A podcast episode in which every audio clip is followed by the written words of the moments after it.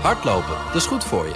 En Nationale Nederlanden helpt je daar graag bij. Bijvoorbeeld met onze digitale NN Running Coach... die antwoord geeft op al je hardloopvragen. Dus, kom ook in beweging. Onze support heb je. Kijk op nn.nl slash hardlopen. BNR Digitaal wordt mede mogelijk gemaakt door Incentro en SecureLink. SecureLink. Safely enabling business.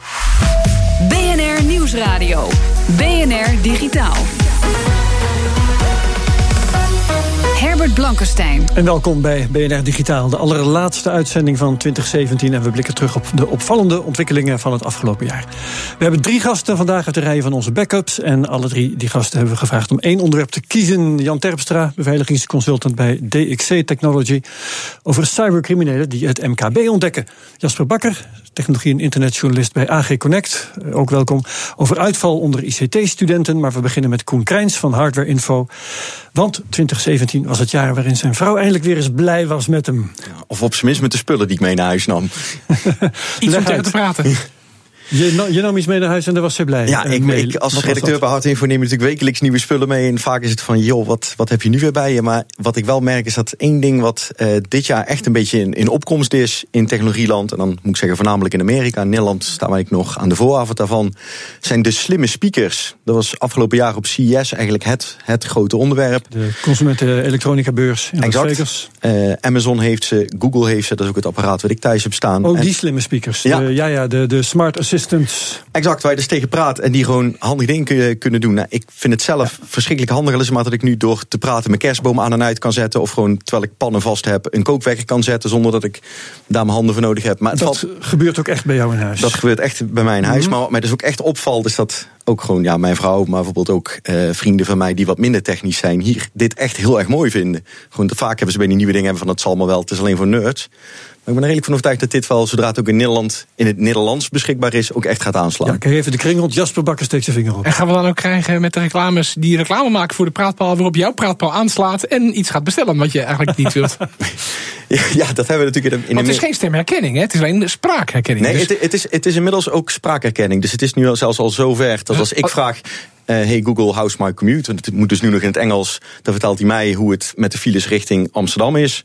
En ah. als mijn vrouw het vraagt, herkent hij dat mijn vrouw het is. En dan krijgt zij ook dus hoe de files is naar haar werk. Maar is dat, is dat man-vrouw herkenning of is het echt jij en zij herkenning? Het is echt al, uh, het gaat ah. nu al zover dat ze echt gewoon fysieke personen kunnen herkennen. En je kunt ze dus ook al instellen dat andere mensen die dus tegen jouw slimme speaker praten, Precies. niet meer worden herkend. Ah, oké. Okay. We houden dit even kort, want jij wilde het nog ergens over hebben. Namelijk over de opmars van de uh, cryptocurrencies en vooral de gevolgen daarvan voor de hardwaremarkt. Ja, cryptocurrency, in cryptocurrency wordt hier bij BNR natuurlijk heel veel over gepraat. Er wordt veel bij, gepraat, vooral, bij, ja. bij Beurswatch bijvoorbeeld. Het is gewoon natuurlijk het, het ding in de economische wereld. Maar wat we in de hardwarewereld merken is dat uh, videokaarten, dat zijn het onderdeel van de computer wat, wat, wat uh, bestemd is voor het genereren van het beeld. Uh, eigenlijk traditioneel een van de belangrijkste dingen was voor gaming. Ja. Maar dat zijn juist uh, de onderdelen die nu gebruikt worden voor dat zogenaamd minen van die cryptocurrency. Delven. En wat wij dus dit jaar hebben gezien is dat al die videokaarten, nou, ze zijn niet aan te slepen. Gewoon iedere, we, we, aan het eind van het jaar maken we altijd een rondje langs hardwarefabrikanten. En van alle fabrikanten die uh, videokaarten leveren, horen ook van ieder jaar target was al in mei gehaald. Ze worden en, uit de handen gerukt door de exact, miners. Ik heb verhalen gehoord van mensen die gewoon met, met 15.000 euro cash naar een computer winkel gaan en zeggen: iedere videokaart die hier heb liggen, wil ik meenemen. Met als, als gevolg dat, en dat is volgens mij echt voor de eerste keer sinds ik bijna 20 jaar dit werk doe, dat hardware ineens duurder wordt in plaats goedkoper. Gewoon maar videokaarten. die kaarten. Exact. Als ze al ergens op voorraad leverbaar zijn, worden ze gewoon voor 100, 150 euro boven de adviesprijs verkocht. En niet alleen de, de high-end modellen, ook midrange, gewoon doe maar wat je hebt. Ja, op, op, op, een gegeven moment zijn die miners gewoon maar alles gaan kopen wat ze, wat, wat, ze konden vinden. En het gaat ook, ja, waar het allemaal naartoe gaat. Je hoort verhalen van, van, van, van die grote mining farms, bijvoorbeeld in IJsland, waar het gewoon per pallet koeling, of, ja. of, of, per, uh, of per container tegenwoordig die videokaarten na, naartoe gaan. Wat eigenlijk als nadeel heeft voor de mensen die gewoon een videokaart voor het eigenlijke doel nodig hebben. Ja. Gewoon voor een normale PC of voor gaming. Ja. Dat ze dus of niet te krijgen zijn. En als je ze al kunt krijgen, dat ze veel te duur zijn. Dus van de ene kant is dit voor de PC-markt heel goed nieuws. De fabrikanten van videokaarten zijn enerzijds heel erg blij, want ze hebben nog nooit zoveel verkocht als dit jaar. Maar ja, van de andere kant, voor mensen die gewoon een complete PC willen hebben. en voor fabrikant die complete PC's willen leveren, is het bijna onmogelijk. Want er is geen forecast meer te maken van wanneer krijg ik spullen en voor welke prijs kan ik het verkopen. De, de lotgevallen van de fabrikanten straks. Ik ben consument. Als ik nu een, een, een PC ga halen, gewoon zo'n beige doos, zeg maar. Ja. Um, wat zit daar dan in? Hebben ze daar dan een tweedehands grafische kaart in gestopt... die ze toevallig nog ergens op de kop konden, tikken... omdat er werkelijk helemaal niks anders te vinden is? Nou, ze worden wel... Uh, uh, ze zijn wel natuurlijk mondjesmaat leverbaar. Dus het is niet dat de markt voor pc's compleet tot stilstand is gekomen. Maar nogmaals, uh, je merkt dus wel dat, dat videokaarten eigenlijk boven hun adviesprijs worden verkocht. Ja. Dus dat je, als je een bepaald budget in je, in je achterhoofd hebt... dat je er wat dat betreft een, een wat minder krachtige ja. krijgt. Dus wat, wat doen de fabrikanten nu? Die ik, moeten ergens rekening mee houden. Ze moeten ergens van uitgaan voor het komende jaar. Ja, Maakt het uit of de bitcoin omhoog of omlaag gaat hiervoor? Nou, de bitcoin aan zich niet. Want bitcoins die kun je eigenlijk niet meer met videokaarten minen. Dat zijn echt heel specifieke chips die puur voor bitcoin zijn bedacht. Nog weer een allemaal, heel andere markt. Exact. Dus, er zijn heel veel Waar gaan die grafische kaarten dan heen? Ja, heel veel andere coins. Ethereum. Okay. En dus nou, heel veel coins die je wel okay. met videokaarten kunt doen. Ja, voor fabrikanten is dit eigenlijk gewoon heel lastig. Want die weten gewoon niet waar ze voor volgend jaar rekening mee moeten houden. Want ze kunnen natuurlijk wel bij hun toeleveranciers, de toeleveranciers van die chips, voor die kaarten, enorme bestellingen gaan plaatsen. Maar voor hetzelfde geld eh, klapt de hele cryptocurrency-markt halverwege volgend jaar uh, in elkaar. Terwijl ze nou wel die chips hebben ingekocht. Nou, aan gamers raak je dit soort uh, enorme aantallen niet kwijt. Dus van de ene kant hoor je van fabrikanten van ja, we gaan wel onze forecast voor volgend jaar weer verhogen. Maar ze zeggen, ja, nu zouden we zeggen, we kunnen er misschien wel weer vijf keer zoveel verkopen. Maar of ze dat aandurven, dat stond maar weer te betwijfelen. Ja, dus het blijft een gok. Dus, het blijft een gok, ja. ja. Dus we kunnen voor in de loop van 2018 kunnen we verwachten, we zouden niet vooruitblikken trouwens, maar ja. we ontkomen er niet aan. Uh, halverwege kunnen we te horen krijgen, ze hebben te laag ingeschat en kunnen de vraag niet aan. Of ze hebben te hoog ingeschat en ze zitten omhoog met een gigantische voorraad en de prijzen donderen in elkaar. Exact, dat blijft afwachten. Maar het is in ieder geval echt gewoon hetgene wat in de hardwaremarkt echt de meest verstorende werking heeft gehad dit jaar. BNR Nieuwsradio. BNR Digitaal. IT-studies dan. Jasper Bakker.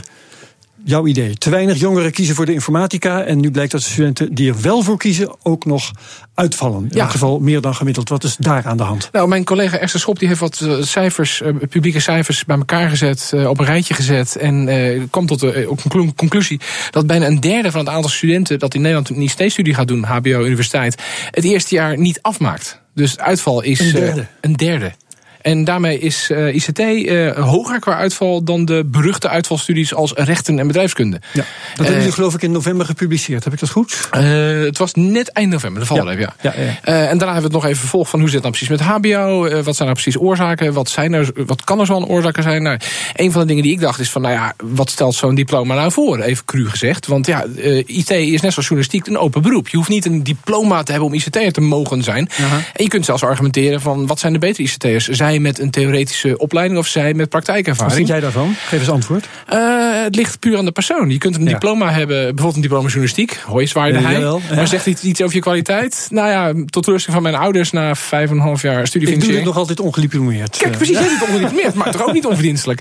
Dat ligt puur aan de persoon. Uh, maar ook wel vast aan de opleiding. Er zijn genoeg opleidingen die heel erg theoretisch zijn. Die opleiden meer tot in onderzoeker, dan tot informaticus, dan tot IT'er. Dat, dat vind ik, zie ik als twee verschillende bloedgroepen.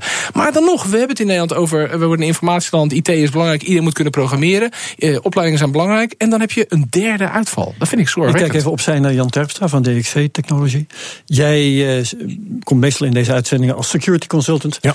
Jij geeft ook les. Ik geef ook les. Ik heb twee jaar les gegeven aan de HVA. Komt het verhaal van jou basis. bekend voor? Uh, het komt me bekend voor dat er veel uitval is. Een deel daarvan is te wijten aan het feit dat het gewoon geen sexy vak is. Het, het is niet aansprekelijk. Niet sexy te krijgen ook? Of wordt het niet sexy gemaakt terwijl het, het eigenlijk wel zou kunnen? Het hoort, het hoort wel te kunnen. Want er zijn heel veel interessante dingen te doen in de automatisering. Maar als je puur opleidt om het gat in de arbeidsmarkt uh, aan, aan Windows en Linux beheerders Beheer. en aanverwant beheerstaken. En met name gebeurt dat op het MBO.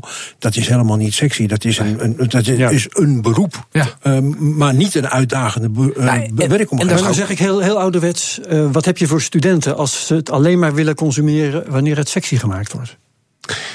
Ja, dat is een gewetensvraag. Ik denk dat ik mijn stuk uh, over informatiebeveiliging wel degelijk sexy en interessant heb gemaakt, want die zijn wel allemaal gebleven. Ja. Is het ook niet een beetje van alle tijden? Ik kan me herinneren dat ik toen ik eind jaren 90 naar de TU in Eindhoven ging, dat tijdens het eerste, eerste college de docent zei: geef degene die links van je zit even een hand en geef degene die rechts van je zit een hand. Want van jullie drie zit eind, na, na het eind van het jaar zit er nog maar eentje. Ja, ja, ja. Dat is twee derde. Dat werd als twee derde uitval. dat is zelfs meer, ja. Dat gaat eigenlijk heel goed, Jasper. Nou, TU Delft is misschien een uitzonderingsgeval. Alle respect naar de TU Delft, maar... Hmm. Ja.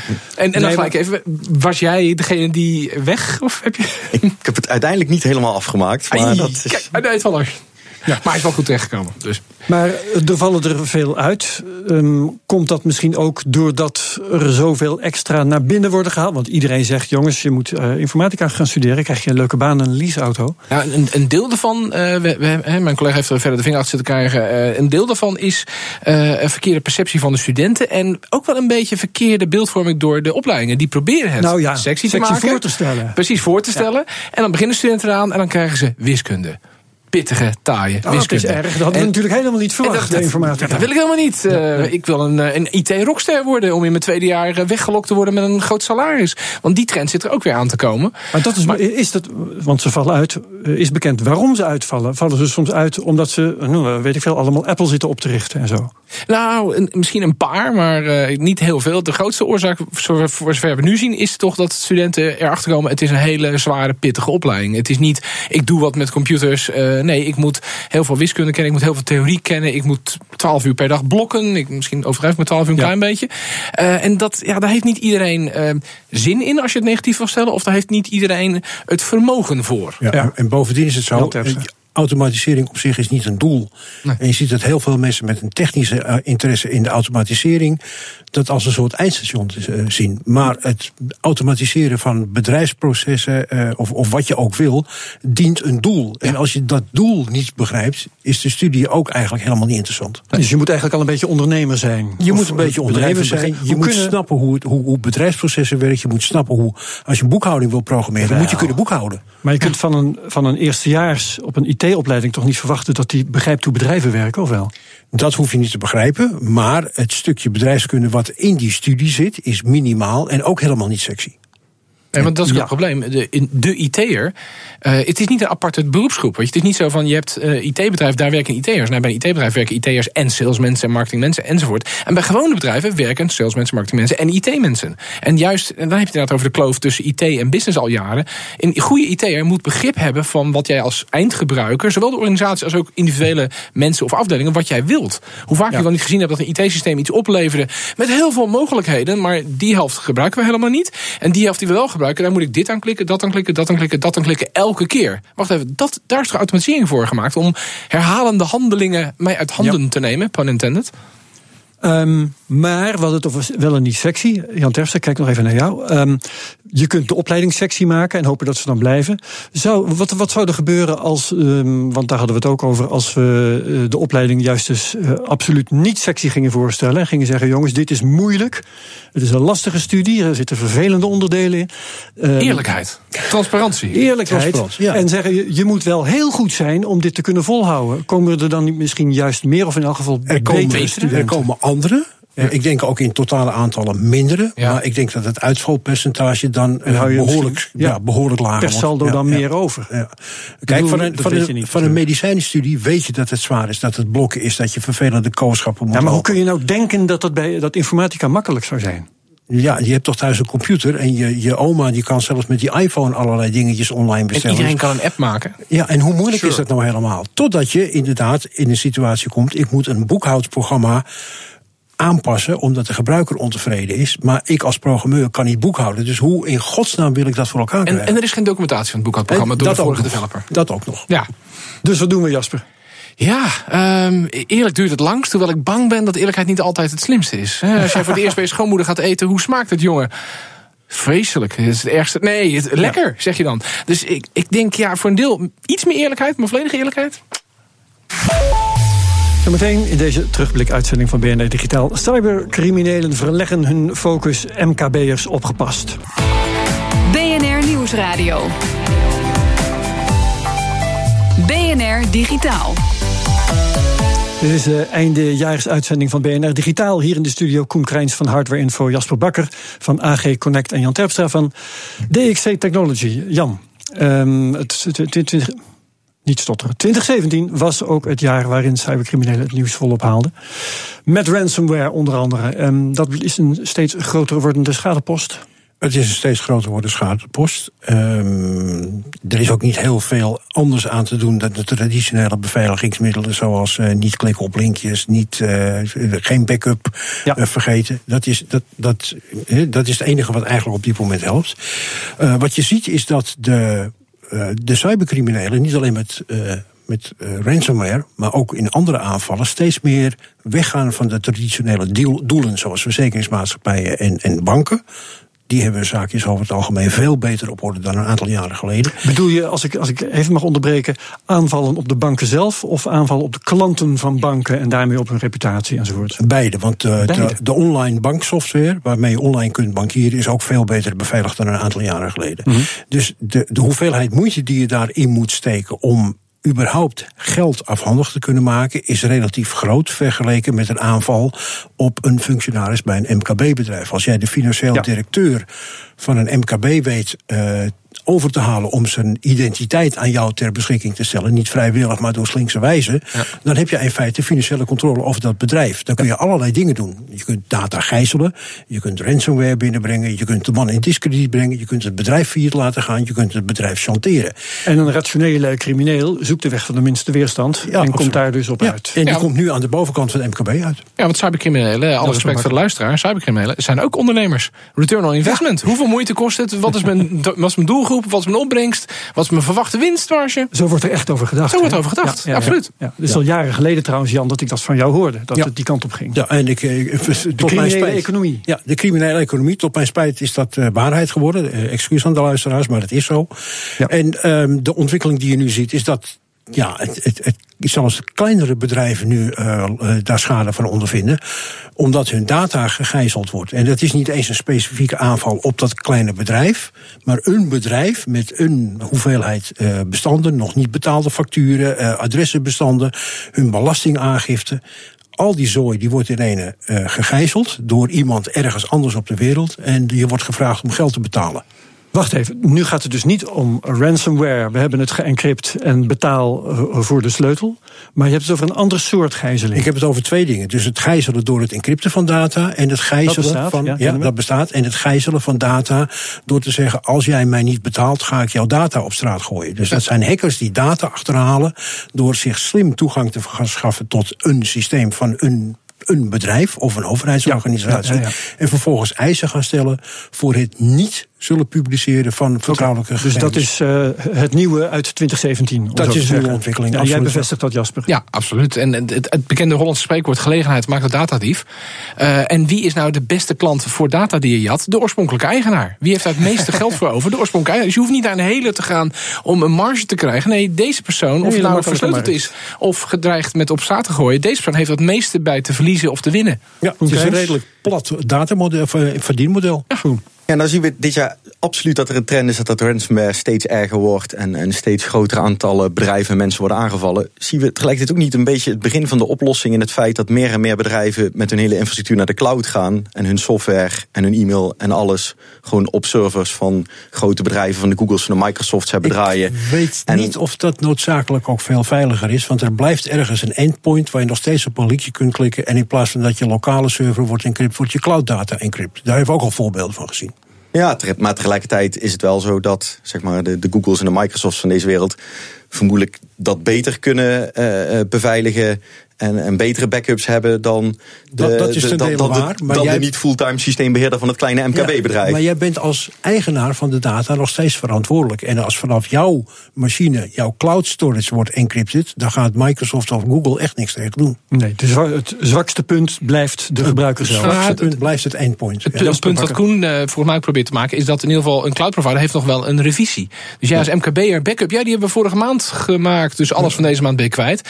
Een Google of een Microsoft slachtoffer Amazon heeft misschien nog wel een revisie van het vorige uur. Voordat de hele encryptie op de dat, dat is een uitstekende reeks. Maar dan het, het model van datadiefstal, ik dreig het op straat te gooien. Ja, dat overkomt niet alleen MKB, maar recent nog Accenture, Deloitte. Die hadden hun login tot een cloud systeem niet goed op orde. Ik geloof dat er zelfs sprake was van admin-admin. En dan is dus de data, ja, ik ga hem op straat gooien. Wat is de waarde dat ik dat niet doe?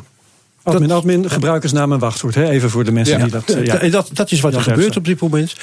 Um, ik, ik voorzie dat die beweging naar steeds kleinere bedrijven als doel weer doorgaat. Want ook het bovenkant van het MKB is nu steeds beter beveiligd. Begrijpt steeds meer wat er aan de hand is. En nu zie je dat het midden- en het onderkant van het kleinbedrijf steeds meer de slachtoffer zal worden. Ja. En kun je ook bepaalde bedrijfstakken aanwijzen waar het extra erg is? Uh, bedrijfstakken waar heel veel persoonsgegevens zijn. Dus bijvoorbeeld de administratie van een, uh, de klantenkaart van een supermarkt is reuze interessant. Want er staan heel veel persoonsgegevens in die ik als crimineel kan misbruiken om een anders een uh, identiteit te misbruiken. Uh, dus dat ligt niet aan de kwaliteit van de beveiliging, maar dat ligt aan de aantrekkelijkheid van de data. Ja, de aantrekkelijkheid van de data. Financiële gegevens waar ik iets mee kan op de beurs zijn interessant. En persoonsgegevens waarmee ik identiteitsfraude kan plegen, die zijn interessant. Administratiekantoren, boekhouders, dat soort dienstverleners? Tennisverenigingen. Ja, tennisverenigingen. Zijn er manieren verder nog specifiek om dit tegen te gaan? Uh, gezond verstand. Uh, ik kan ik nog steeds. Ja, nog steeds. gezond verstand van degene die achter het toetsenbord zit. Nee, gezond verstand van degene die achter het toetsenbord zit, is nog steeds je eerste lijnsverdediging. En daar valt nog heel veel winst te halen. Ja, Krijns, je ziet eruit of je wat... Ja, het, gek, wat, ik bedoel, we hadden het al over cloud, wat eigenlijk een eerste stap in een, een oplossing is. Wat ik ook zie als ik nu met, met, met hardwarefabrikanten en met bedrijven die bijvoorbeeld met 5G-technologie bezig zijn, die zeggen voor, uh, uh, voor de toekomst, en ik weet dat we niet te veel vooruit moeten kijken in deze uitzending, maar toch heel even, zien wij zelfs, gaan we zelfs naar een punt waar een MKB-bedrijf eigenlijk geen eigen netwerk meer hoeft te bouwen, omdat gewoon alle, alle laptops, alle systemen Elke rechtstreeks eigen. met 5G verbonden zijn, waardoor eigenlijk die professionele toeleveranciers, en of dat nou de KPN zijn of wie dan ook, ook dat gedeelte eigenlijk overnemen. En als inderdaad die softwarelaag gewoon beter beveiligd is door clouddiensten, en die netwerklaag, die, die wordt gewoon door professionelere partijen opgepakt, denk ik wel dat we zo een heel veel, heel veel problemen inderdaad wel gewoon kunnen oplossen. Blijf staan, gewoon gezond verstand en zorgen dat je niet op maar verkeerde linkjes klikt. Dat is wel het allerbelangrijkste. Maar vervolgens loopt bij de uh, klantenbalie de, van een supermarkt een van de medewerkers weg zonder af te loggen. En ik heb mijn eerste stap om dat systeem binnen te komen al eh, te pakken. En dat is gewoon de dagelijkse praktijk. Dat is in de Verenigde Staten met een hele grote winkelketen gebeurd. Dat ze gewoon via een kassaterminal uh, administratieve rechten hebben verkregen. En zo stap voor stap de systemen zijn binnengedrongen.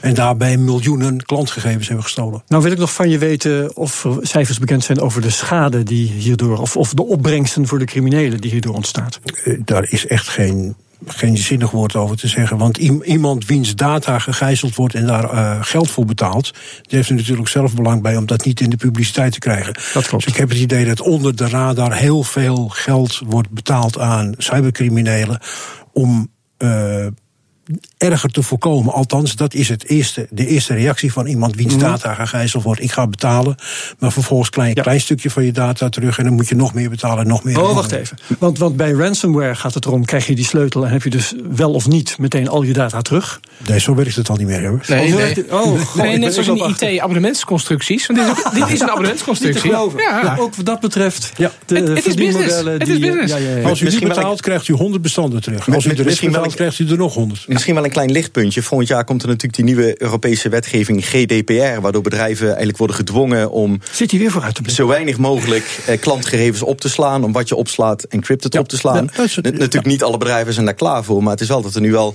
wetgeving komt begin om van eigenlijk noodzakelijke discipline. Dat gaat absoluut. Ja, ja, de, de wetgeving, een, een, deel, een groot deel daarvan bestaat al, maar niemand houdt zich eraan. Alleen nu wordt het Europees uh, uh, gelijkgeschakeld en er komen flinke sancties op te staan. En de stok en de wortel, die combinatie, ik, ik, hoop het ook. Je merkt wel dat meer en meer bedrijven, ook het bedrijf waar ik voor werk, is daar nu heel erg mee bezig. En zitten alle bedrijfsprocessen door te lichten. En goed kijken, wat slaan we op, waar, hoe. Ik denk dat dat gewoon goede ontwikkelingen ja, zijn. Nog even kort naar Jan Terpstra over betalen. Want je zegt er wordt betaald. Uh, is het nog steeds het advies om dat toch vooral niet te doen? Nee, niet te doen. Want nee. uh, misschien wil je toch wel die eerste je, honderd data. Je betaalt, een paar, honderd, je betaalt, betaalt een paar honderd euro. Ja. Of je betaalt uh, 0,01 bitcoin. En dan krijg je 100 bestanden terug. En dan betaal je weer, dan krijg je weer 100 bestanden terug. En maar dat wil je toch? Of? Dat wil je, maar uiteindelijk word je eh, als het ware uitgepeest, zoals vroeger op de ja. Wallen gebeurde. En heb je duizenden euro's betaald, of misschien wel een hele bitcoin. En uiteindelijk heb je toch niet alle data terug. En in het grotere plaatje, je faciliteert deze ja. vorm van ondernemen. Ja, absoluut. Hartelijk dank allemaal voor jullie aanwezigheid bij deze eindejaarsuitzending van BNR Digitaal. Koen Krijns van Hardware Info, Jasper Bakker van AG Connect, Jan Terpstra, DXC Technology. En deze uitzending is terug te luisteren via de BNR-app, bnr.nl slash digitaal, via onze podcast, via Spotify, enzovoort. Volgende week kijken we vooruit, dan echt, waarschijnlijk ook wel met een kleine terugblik hier en daar, naar 2018. En heel graag tot dan. Dag. BNR Digitaal wordt mede mogelijk gemaakt door SecureLink en Incentro, een IT-bedrijf. Hardlopen, dat is goed voor je. En Nationale Nederlanden helpt je daar graag bij. Bijvoorbeeld met onze digitale NN Running Coach... die antwoord geeft op al je hardloopvragen. Dus, kom ook in beweging. Onze support heb je. Kijk op nn.nl slash hardlopen.